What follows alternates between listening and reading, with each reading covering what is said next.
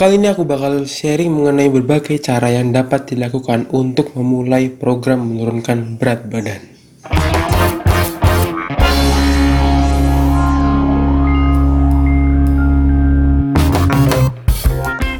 Oke, di awal tahun yang baru ini, pasti di antara kalian semua ada yang punya resolusi untuk menurunkan berat badan. Tapi bingung gimana sih caranya buat memulai atau mungkin udah pernah sebelumnya, tapi gak pernah berhasil. Emang sih, tiap orang bakal beda-beda hasilnya walaupun mungkin berbagai usaha yang dilakukan sama atau beda-beda dikit lah. Kali ini aku bakal sharing mengenai pengalaman aku dalam memulai program menurunkan berat badan. Aku berani berbagi mengenai hal ini karena ya aku pernah mengalami gagal, pernah sempat nyerah dan kemudian coba lagi dan sejauh ini hasilnya positif sampai sekarang. Kalau boleh dibilang ya aku tuh sebenarnya udah mulai coba nurunin berat badan pas zaman SMA dulu. Tapi sampai kuliah semester 6 nggak pernah berhasil. Coba bayangin berapa tahun tuh. Berarti sekitar 5-6 tahun nyoba berbagai cara tapi nggak pernah berhasil. Padahal banget. Padahal dulu ngumpet banget tuh. Waktu SMA kan punya kesibukan yang sangat padat gitu dan kuliah di luar kota. Dan ngekos ibaratnya ya aku tiap hari jalan kaki ke kampus dengan harapan ya bisa menurunkan berat badan. Tapi ternyata nggak berhasil malah yang ada nambah melar saya. Mungkin nanti lain waktu lah bakal aku share hasil refleksi kenapa sih selama 5-6 tahun itu aku gagal buat nurunin berat badan. Jadi singkat cerita Aku mulai mencoba lebih serius lagi untuk menurunkan berat badan itu masih ingat banget tanggal 21 Februari 2017 dan masih berjalan sampai sekarang. Ya kira-kira mungkin kalau dari dulu itu tanggal 21 Februari itu sampai sekarang ya ada satu tahun 11 bulan lah ya itu udah turun sekitar 60 kilo. Ya dari 160 kiloan lah ya. Mungkin nantilah lain waktu bakal aku share hasil refleksi aku kenapa selama 5-6 tahun dulu aku nggak berhasil buat menurunkan berat badan. Oke selanjutnya singkat cerita aku mulai mencoba lebih serius lagi untuk menurunkan berat badan itu tanggal 21 Februari 2017 dan usahanya masih berjalan sampai sekarang dan kira-kira udah turun sekitar 60 kiloan lah. Dari awal aku start itu sekitar 160 kg dan sekarang udah mulai masuk ke 100 kiloan lah ya kadang masih naik turun nggak apa-apa wajar. Dan perjalananku masih panjang buat upaya ini dengan target ya sekitar 87 kilo sampai 90 kilo lah kira-kira gitu. Uh, mungkin bisa dicapai bulan Agustus 2019 atau pahit-pahitnya ya Desember lah 2019 habis itu baru kemudian aku mulai beralih ke program maintain berat badan atau berusaha mempertahankan berat badan yang sudah dicapai sebenarnya ya kalau misalnya dibandingin sama orang lain yang juga punya usaha yang sama dalam waktu 2 tahun itu harusnya bisa lebih dari itu. Ambil contoh aja Kemal Mukhtar. Tahu kan MC dan penyiar radio itu dia bisa satu tahun nurunin 60 kiloan. Nah tapi harus ingat lagi bahwa tiap orang tuh beda-beda hasilnya. Nah makanya harus jangan terlalu sering membandingkan dengan orang lain nih pada gitu ya. Nah kalau sekarang ya emang untuk mencapai target yang aku inginkan emang mungkin harus lebih bersabar lagi. Apalagi ya sekarang lagi di fase gimana berat badan ini susah buat turun-turunnya. Bener susah lagi susah turunnya. Sebenarnya juga kalau misalnya kita terlalu fokus ke timbangan nggak baik juga sih ngaruhnya ke mental. Tiap hari nimbang gitu naik turun tuh ngaruh banget ke mental. Kalau misalnya kalian mentalnya nggak kuat bahaya itu. Bisa ngaruh ke kehidupan sehari-hari kalian coba jangan misalnya kalian nimbang tiba-tiba besoknya turun besoknya lagi tiba-tiba naik drastis. Itu ganggu mental banget. Apalagi ganggu mood juga kan kalau misalnya kalian lagi kerja atau kuliah atau ngerjain skripsi wah bahaya. Itu makanya di sini emang harus pintar-pintar lah mensiasati mental fisik juga ketika kalian lagi berusaha untuk menurunkan berat badan. Ngaruh banget soalnya. So hari ini aku bakal jelasin sedikit berbagai hal yang dapat dilakukan ketika memulai upaya untuk menurunkan berat badan.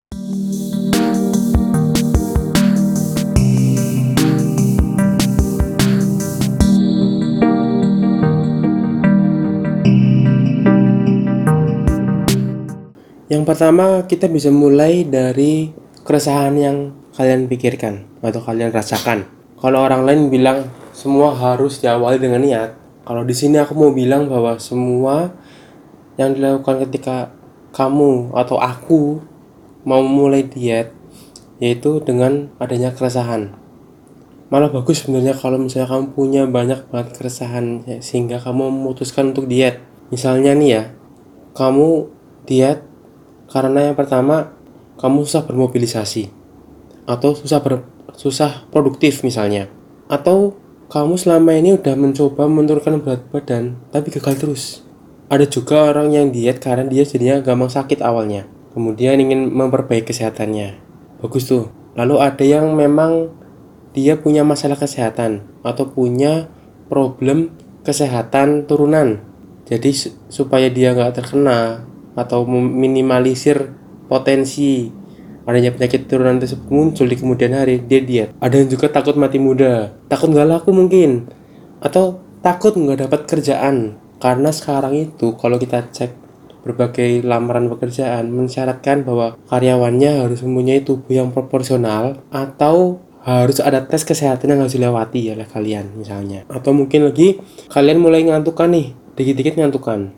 Baru bangun padahal udah tidur lama ngantukan. Baca dikit ngantukan. Kerja dikit ngantukan. Atau mungkin karena kalian mulai merasa kinerja kalian dalam bekerja atau berorganisasi atau mungkin dalam belajar itu mulai berkurang itu bisa kalian jadikan motivasi berbagai keresahan itu. Atau mungkin ada yang ingin memutus stigma memutus konstruksi sosial bahwa ketika ada orang gendut yang punya turunan gendut juga itu susah buat kurus. Nah katanya itu kan genetik katanya faktor genetik jadi nggak bisa kurus. Nah itu bisa kalian lawan dengan cara yaitu berubah dengan diet yang benar itu bisa jadi uh, semangat motivasi buat kalian. Atau mungkin yang terakhir nih kalian kesel. Kalau misalnya ada setiap orang yang ketemu kalian lalu bilang ih kok kamu gendutan ya? Itu emang bahasa basi yang menyakitkan orang Indonesia. Tapi ya itu bisa jadi motivasi kalian. Nah di sini aku bilang bahwa keresahan bisa digunakan untuk memulai dietmu. Kemudian Kalian bisa menonton berbagai macam video yang bisa memotivasi atau jalan cerita orang yang telah melakukan diet dan berhasil. Dan itu banyak banget di YouTube. Dulu tuh aku sempat ngerasa bahwa ah rasanya berat badanku ini udah nggak mungkin lah bisa turun Ya karena apalagi 5-6 tahun aku udah berusaha berbagai cara untuk menurunkan berat badan tapi nggak pernah berhasil malah tambah melar terus semakin meyakinkan diriku bahwa aku nggak bisa dulu tapi pandangan itu mulai berubah ketika aku mencoba atau nggak sengaja sebenarnya nonton sebuah acara sebuah program televisi dari Amerika Serikat. Aku lupa nama TV-nya. Di mana dia punya program judul adalah Extreme Weight Loss dan ternyata udah berjalan beberapa season. Aku ingat tuh Chris Chris Powell, Chris siapa aku lupa. Itu membawa acara dari juga pakar dia dari Amerika. Dan tahu nggak?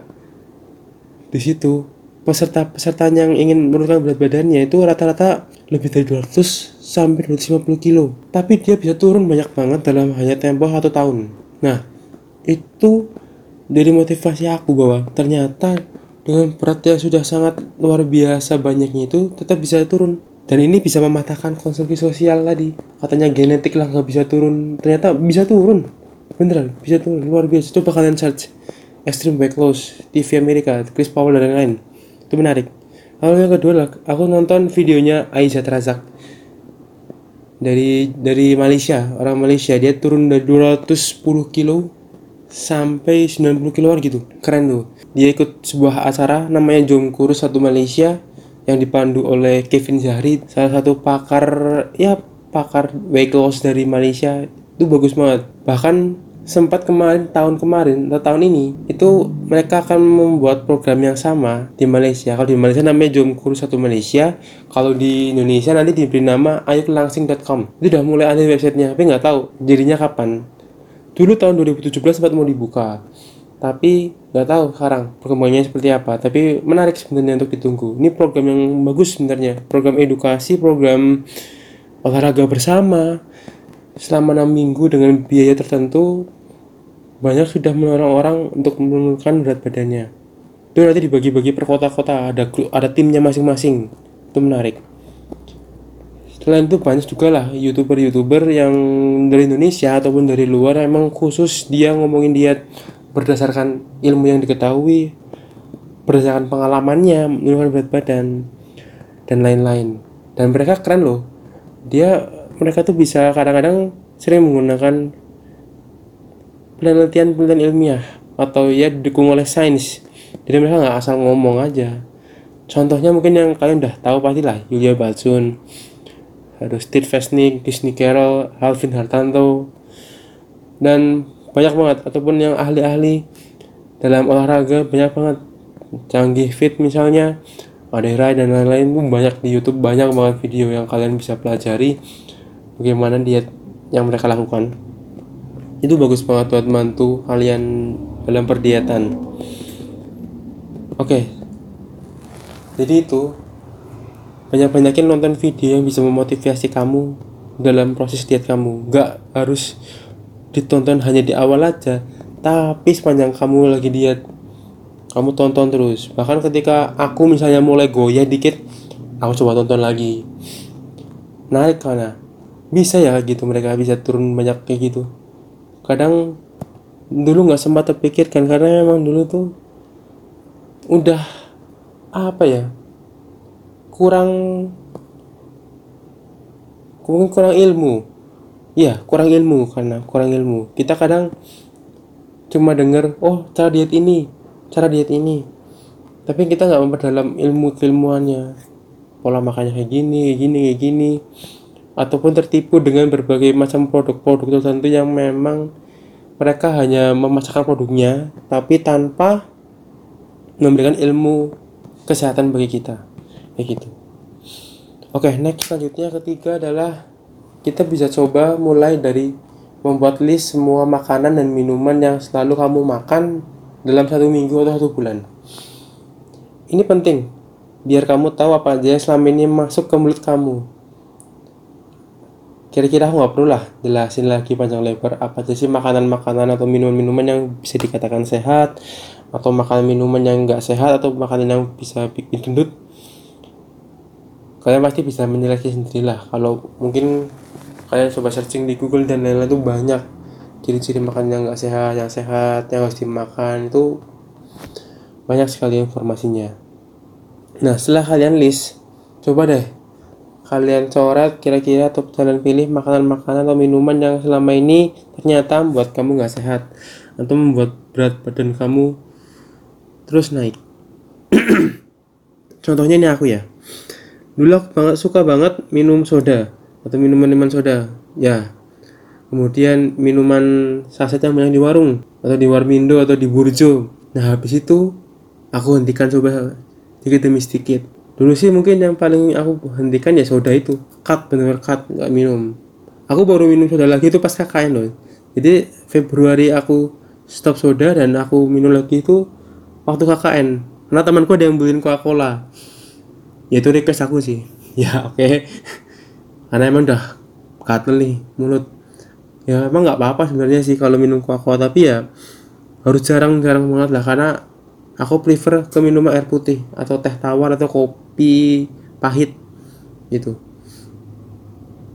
Ya ya tadi aku bilang tetap minum yang manis tuh nggak apa-apa sih sekali-kali. Yang penting nggak terlalu sering atau mungkin waktu cheat meal aja.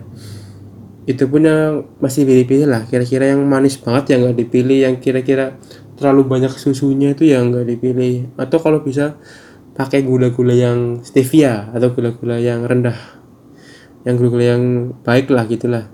Nanti kalian tahu kan.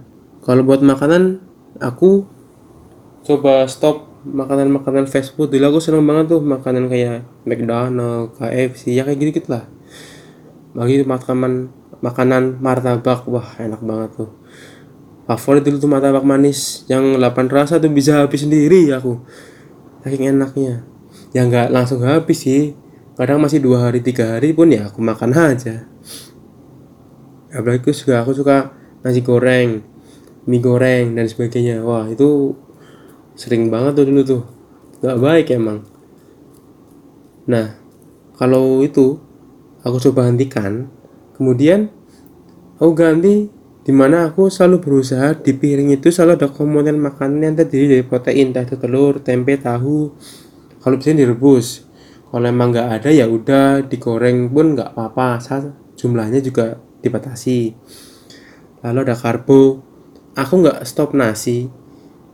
Ya nasi putih aku nggak stop karena emang susah nyari nasi put nyari nasi merah atau nasi apa pun pengganti nasi putih. Karena duluan aku ngekos ngekos. Dan aku lebih sering makan di warung. Jadi aku lebih milih untuk makan makan nasi dengan porsi sedikit atau mengganti nasi dengan kupat. Ya sama aja sih. Tapi ya oke okay lah lumayan dan kemudian aku memperbanyak sayur sayur sayuran dari ketiga komponen itu aku lebih banyak kombinasi antara hijau-hijauan atau sayuran sayuran dengan sumber protein kayak telur tempe, tahu, dan sebagainya.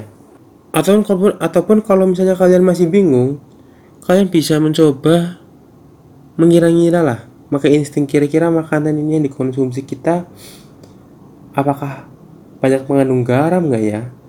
Atau banyak mengandung gula nggak ya? Itu bisa kalian kira-kira lah. Apalagi kalau buat anak-anak kos, anak-anak yang emang nggak tinggal di rumah yang nggak bisa masak dan nggak punya dapur misalnya serta semua bisa di luar bisa beli makan di luar entah di warteg di burjo dan dan sebagainya kalian harus pintar-pintar lah putar otak atau pintar-pintar pilih-pilih makanan di warteg itu dan gak usah terlalu kaku lah dalam diet ini. Di bawah santai aja. Ya boleh lah kali-kali makan gorengan. Aku juga tiap hari makan gorengan kok. Ya walaupun cuma satu. Nggak masalah kan? Emang gorengan emang enak banget sih cuma emang nggak walaupun emang itu nggak sehat cuma kadang-kadang kita kan kalau terlalu stres juga bahaya sendiri. Malah kalau terlalu stres dietnya berhenti kan nah itu. Makanya nggak apa-apa makan gorengan kalau cuma satu dua nggak masalah. Nah di sini aku perlu kalian tahu bahwa perlulah kalian punya insting atau perkiraan diri sendiri terhadap apa yang kamu makan atau minum. Bisa lah kalian lihat misalnya ingin beli minuman yang mungkin bosen lah main minuman yang pahit-pahit terus. Boleh beli minuman yang manis-manis tapi ya lihat berapa banyak gulanya dia pakai. Pakai susu gimana. Banyaknya kan. Kadang-kadang kadang-kadang ada yang ngecor langsung susunya banyak banget tuh. Itu bahaya. Makanya kan harus hati-hati. Ataupun kalian ingin minum es teh nggak apa-apa. Minta gulanya dikit. Atau kalian bawa stevia dari rumah. Bagus tuh nggak apa-apa. Ya sebenarnya sih kalau masalah makanan minuman ini bakal lebih panjang lagi sih. Nggak nyukup buat di podcast ini doang. Selanjutnya mau tanya-tanya ya boleh lah hubungi aku langsung. Gitu ya. Nah selanjutnya adalah kita harus mencoba mulai olahraga atau minimal bergerak aktif setiap hari. Terutama ini yang mungkin yang nggak suka olahraga ya, ataupun dengan jam yang sangat sibuk kuliah, kerja, organisasi dan sebagainya, kalian bisa mulai dengan memperbanyak gerak aktif dalam sehari-hari. Misalnya nih, kalau kalian ngekos dan jarak kampus itu nggak terlalu jauh, kalian bisa jalan kaki atau milih bersepeda. Ya, bersepeda. Untuk berpergian ke tempat-tempat yang lain juga gitu kalau misalnya masih jarak satu kilo lah kalian bisa jalan kaki atau sepeda ya selain mengurangi polusi menghemat bensin kalian juga lebih sehat tentunya ataupun yang kerja kantoran bisa nih kalian mulai pakai tangga daripada lift. Awalnya capek sih. Naik satu tangga ke lantai dua misalnya itu gak capek. Wajar pertama-tama mah gitu. Selanjutnya juga santai aja kok kebiasaan. Kalau buat yang mau nyam, sambil olahraga kalian bisa mulai jogging misalnya atau lari. Mulai dari yang jarak 3 kilo dulu mungkin atau 4 kilo. Dan kemudian naik terus terus terus terus. Pokoknya harus selalu ada peningkatan gitu. Atau mungkin aku sarankan nyoba hit hit itu apa ya? High interval inter high interval training atau pokoknya aku lupa singkatannya apa tapi misalnya gini caranya. Jadi misalnya nih satu menit kalian jalan cepat. Tek tek tek tek tek. Kemudian 30 detik lari kencang Just. Terus setelah 30 detik nanti mulai. Jalan cepat lagi satu menit. Setelah satu menit selesai 30 detik lagi lari kencang sekenceng-kencengnya kamu bisa. Gitu terus. Kalau aku baca-baca sih itu cara yang efektif ya. Mungkin kalian bisa cari tahu di internet lebih jauh. Hit. H I I T. Atau buat kalian yang em emang pengen nge-gym fitness tuh bagus banget atau mau nyobain crossfit juga bagus. Karena misalnya kan misalnya tuh kalau kita fitness kita juga bisa membantu pembentukan otot. Pembentukan otot ini bisa membantu kalau nggak salah nih ya membantu mempercepat atau memperlancar metabolisme tubuh. Nah metabolisme tubuh ini yang penting untuk kita diet dalam proses pembakaran lemak. Itu penting banget. Makanya otot tubuh itu penting. Daripada kalian hanya jogging misalnya. Jogging itu bisa nurunin berat badan. Cuma juga kita nggak tahu kan yang turun itu sebenarnya lemak atau otot atau air. Nah ini menarik. Sebelum aku jelasin yang lainnya. Kayak gini. Ini mungkin akan masuk ke penjelasan berikutnya ya tentang jangka pendek dan jangka panjang. Oke lah kita sambil masuk ke penjelasan berikutnya atau poin berikutnya. Jadi gini ketika kamu mulai diet misalnya berat kamu 100 kilo misalnya dengan waktu satu minggu tiba-tiba kalian turun 5 kilo wah keren kan? Bisa turun satu kilo eh 5 kilo dalam waktu satu minggu. Nah tapi sebenarnya kita nggak tahu yang turun itu apa.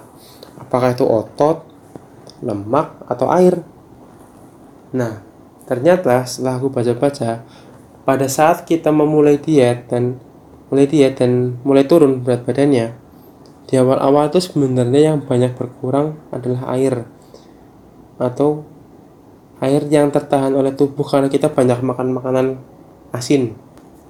Misalnya begitu. Barulah selanjutnya kita mulai turun lemaknya mulai turun uh, mungkin otot. Karena kita susah sebenarnya membedakan ini yang turun lemak atau otot ya. Karena yang mereka bisa saling ya berbarengan lah menurunnya gitu. Jadi memang dalam proses penurunan berat badan ini perlu ada yang jangka target jangka pendek atau target jangka panjang.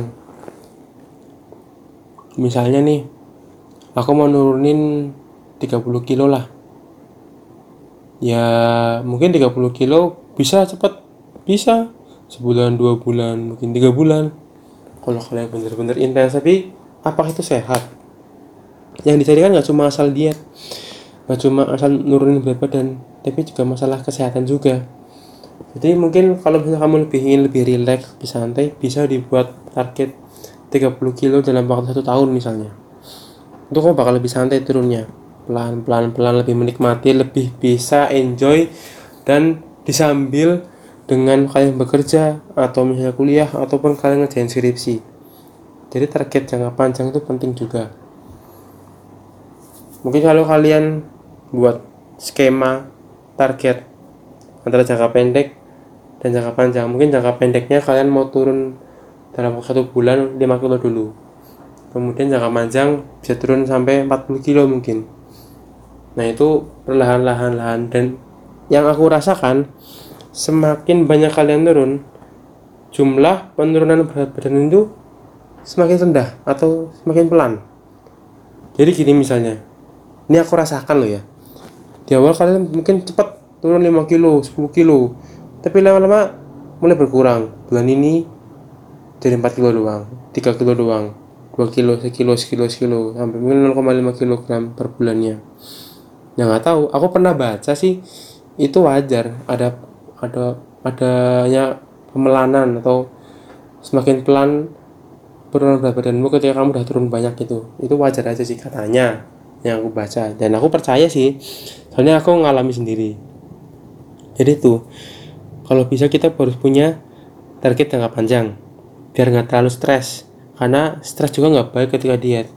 Karena kalau kita terlalu stres kita bisa berhenti dietnya karena nggak mau lagi lah aku stres. Diet ah lamaan ini gini.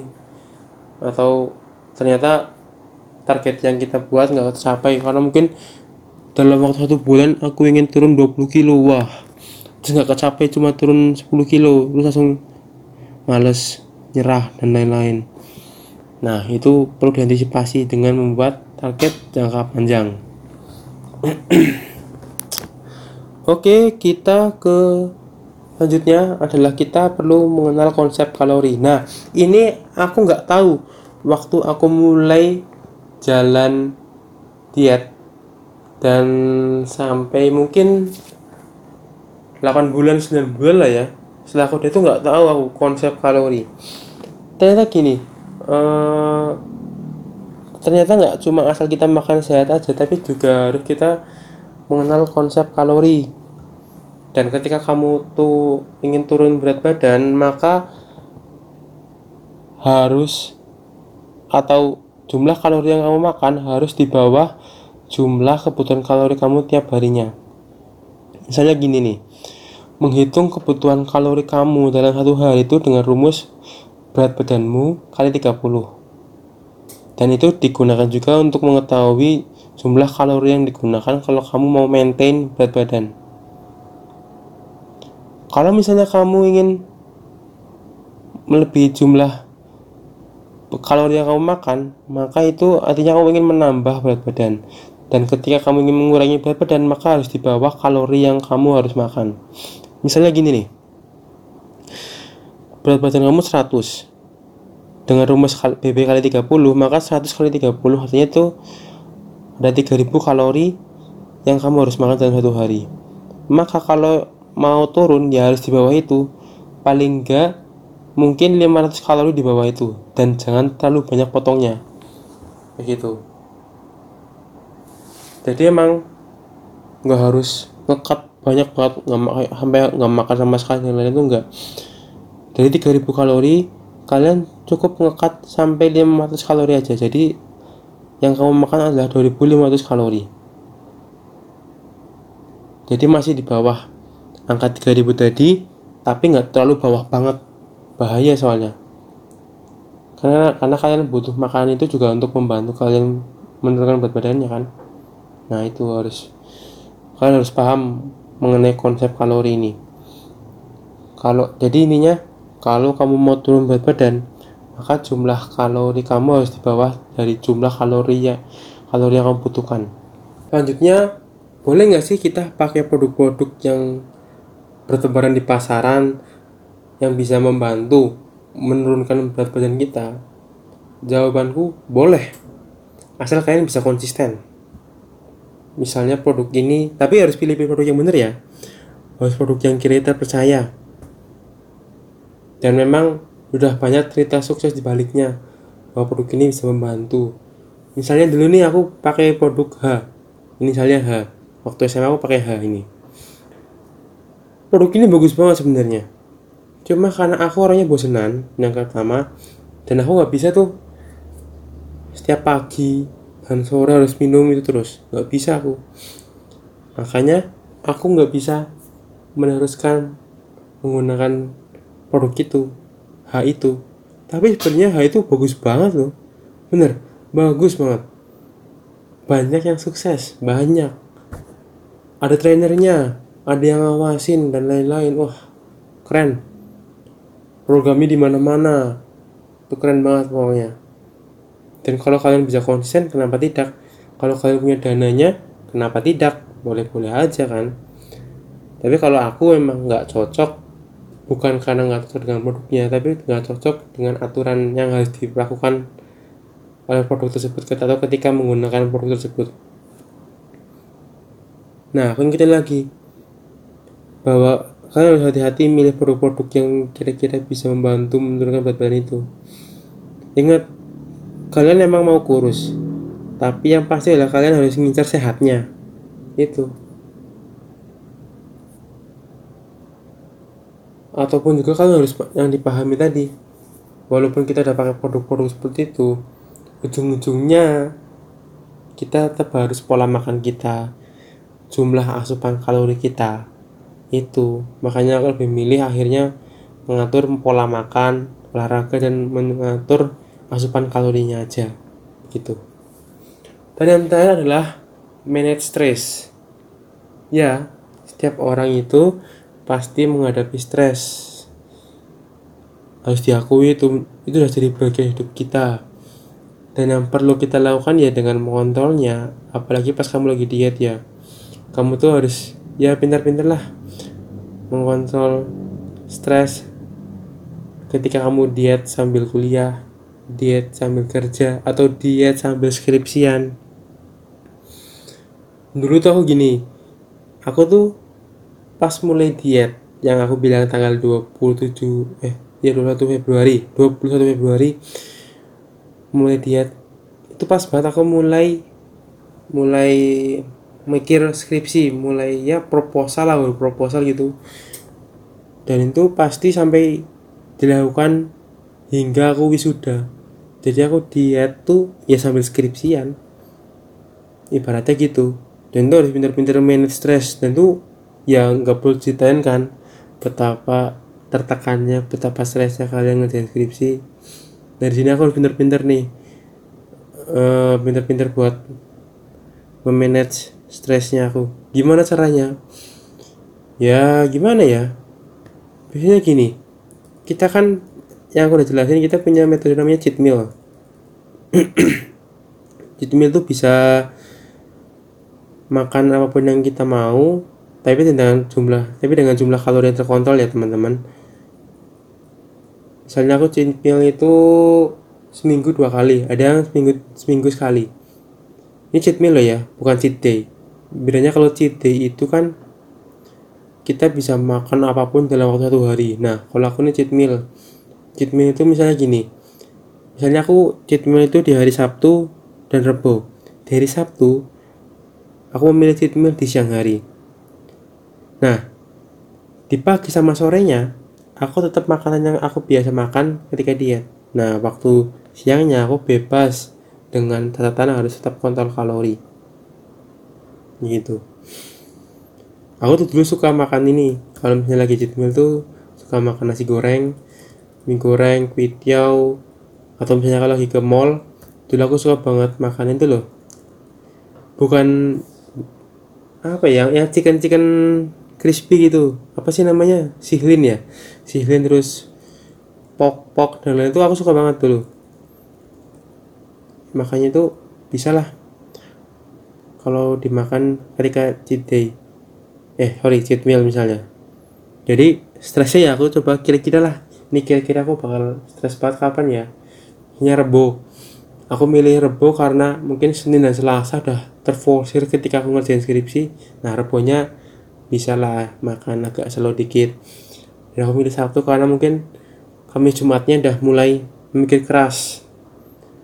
Karena skripsi lagi atau urusan lainnya gitu ya. Atau mungkin kalian olahraga dengan sangat yakin dengan semangat banget sampai kalian nggak olahraga nggak boleh buat stres ya. Jangan sampai olahraga itu membuat kalian stres jangan sampai. Justru kalian harus menggunakan olahraga itu untuk menghilangkan stres. Please jangan sampai itu. Bahaya soalnya. Dan lalu itu mensiasatinya lainnya dengan menghadapi atau mengatur stres ketika lihat ya kita bisa loh misalnya gini nyoba nyari makanan atau jajan yang kira-kira itu nggak terlalu manis atau nggak terlalu asin. Atau misalnya kalau misalnya kita ngerjain tugas ngerjain skripsi itu di kafe kita bisa milih minuman kopi misalnya americano. Atau mungkin cappuccino lah atau cafe latte itu udah paling maksimal karena kalau americano itu kan kalorinya sangat rendah. Dan cappuccino dan cafe latte itu sekitar 200 kalori itu is oke okay lah. Atau mungkin kalian bisa sambil makan buah kayak apel atau pepaya. Kadang kalau aku dulu langsung di jus atau makan langsung itu juga enak kok. Atau mungkin bagi kalian bisa lah beli Quaker Oat yang sasetan. Kan sekarang ada tuh ada yang coklat ada vanilla bahkan ada yang soto sama bubur ayam ya sih iya itu. Jadi ada rasanya asin atau manis. Itu bisa dipakai buat sarapan misalnya tuh. Atau misalnya kalian ngerjain skripsi malam-malam atau di kerjaan lemburan malam-malam kalian wah bikin stres atau misalnya kalian buntu kalian bisa ambil minum itu. Karena itu kalorinya cukup rendah. Dan tetap, tetap harus ingat jumlah kalori yang kamu makan dalam sehari itu udah seberapa itu jadi itu cara aku dulu mensiasati stres ketika lagi skripsian sambil diet itu dengan menerapkan dua kali cheat meal dalam seminggu. Ya terserah sih. Kalau aku kan Rabu Sabtu. Kalian mungkin Senin sama Kamis nggak apa-apa. Atau satu minggu nggak apa-apa. Kadang aku sering ganti-ganti kok. Misalnya gini Rebo sama Sabtu kan biasanya. Aku ganti aku ganti jadi Sabtu Minggu fleksibel aja kan nggak apa-apa. Atau mungkin dulu pernah Jumat sama Selasa. Nggak masalah. Asal porsinya tetap dua kali lah. Kira-kira begitu. Jadi perlu aku urusin dulu antara cheat meal dan cheat day tadi ya. Aku jelasin ulang lagi ya. Cheat day itu misalnya dalam satu minggu atau satu hari kalian makan bebas itu bahaya. Karena bisa kontrol kan kalorinya. Nah kalau cheat meal itu kalian bisa seminggu sekali bisa seminggu dua kali dan dalam waktu satu hari. Di sela-sela kalian tetap makan sehat entah itu pagi atau sorenya. Nah satu jam makan itu kalian bisa makan agak bebas dengan jumlah kal kalori yang terkontrol tentunya. Itu cheat meal namanya. Atau ada juga istilah yang digunakan sama podcast ini itu repeat day day itu ibaratnya mengisi ulang kembali tenaga dengan memperbanyak karbohidratnya kalau aku nggak salah lagi ya ya Allah. Aku udah baca ini. Dan baca dan memahaminya. Itu yaitu apa namanya? E, mengontrol atau mengontrol makanan tetap tapi dengan mencoba menambah jumlah karbohidrat. Dan day ini bisa digunakan untuk kalian menambah tenaga ataupun biar kalian badan kalian nggak stres memperbaiki metabolisme tubuh sehingga kalian ketika misalnya kalian nge-gym kalian bisa siap nge-gym lagi dengan tenaga yang pulih kembali. Kayak gitu ya teman-teman. Jadi mungkin agak kurang jelas ya tapi ini sekiranya ya yang aku bisa kasih ke kalian berbagai tips-tips yang sebenarnya ringan atau sederhana yang bisa kalian mulai terapkan ketika kalian mau mulai proses diet. Tapi teman-teman, intinya adalah bahwa satu hal yang harus kalian terapkan ketika diet adalah disiplin. Disiplin itu udah termasuk dengan konsisten. Nah, itu yang paling berat dalam diet disiplin dan konsisten dan atau lagi mungkin lingkungan.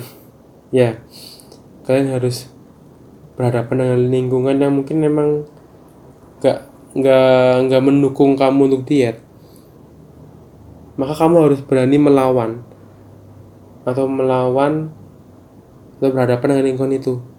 Jujur aja dulu aku waktu kos juga lingkunganku nggak nggak mendukung atau nggak bahkan nggak mendukung sama sekali deh buat dia tapi aku mencoba mencari celah.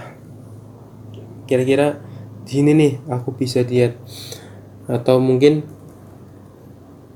atau mungkin bisa nih ngajak teman misalnya ngajak teman nge-gym. Atau ketika kita lagi lagi hangout sama teman kan misalnya kalian kopi nih minum kopi ya pilih americano daripada yang lainnya. Itu udah keren banget sih. Bisa lah kalian mengakal-ngakali lah. Jangan sampai kalian jadi ansos karena kalian diet karena lingkungan gak mendukung. No. Menurutku jangan terlalu sering menyalahkan lingkungan. Semua kembali ke kamu sendiri. Kamu harus bisa mensiasatinya. Kamu harus tetap bergaul coy. Jangan sampai persahabatanmu putus sama temenmu gara-gara karena kamu dia doang. No man. Jangan sampai. Oke jadi itu pesan aku bahwa apa pun mungkin jenis diet yang ada di luar ataupun tips-tips yang aku berikan kali ini yang mungkin mungkin terasa nggak begitu jelas cuma kalian pasti bisa nangkap poin-poinnya kan.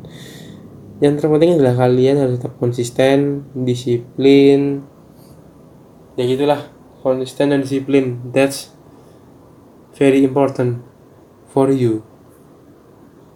Ya oke. Okay. jadi sekian dulu podcast ini.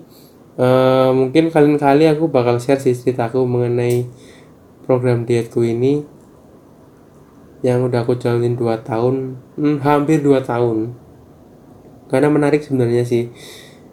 Emang setiap orang punya cerita menarik mengenai upaya penurunan berat badannya dan aku juga punya cerita menarik. Atau mungkin aku bisa kali ya sharing diet anak kos mungkin kayak gitu ya. Ya buktinya bisa kok. Nih aku itu turun berat badan mulai dari mungkin sekitar 160 ya tadi aku bilang. Sampai berat badanku itu balik ke rumah. Atau misalnya aku nggak kos lagi itu turun sekitar 54 atau 55 kilo. Gila kan? Bisa loh. Kalian lakukan hal tersebut. Aku melakukan hal tersebut bisa. Makanya semua itu bisa kok. Kalau dalam masalah diet ini aku yakin kita pasti bisa. Kalau aku bisa kenapa kalian nggak bisa? Ini itu. Bukan maksud membandingkan antara aku dan kamu membandingkan antara pencapaianku dan pencapaian kamu no. Tapi intinya kalau misalnya kamu konsisten dan disiplin pasti bisa. Dan terus membaca terus cari ilmu dalam diet. Intinya itu jangan terpat hanya atau apa? Jangan terpatok dengan apa yang udah kamu ketahui sekarang aja. Terus baca terus buku bandingkan. Dan bahkan uji cobakan ke dirimu sendiri. Dulu aku tuh suka menguji cobakan sebuah mungkin aku bahasa ini cobalah. Eh ternyata nggak berhasil. Coba cara lain. Eh aku terapin berhasil. Ini itu. Kadang-kadang kita perlu kok menjadikan tubuh ini pada badan kita menjadi tempat uji coba. Tapi tetap hati-hati ya. Kan bisalah mengontrol diri sendiri. So itu sekian dari aku. Sampai jumpa dengan sampai jumpa lagi pada episode selanjutnya. See you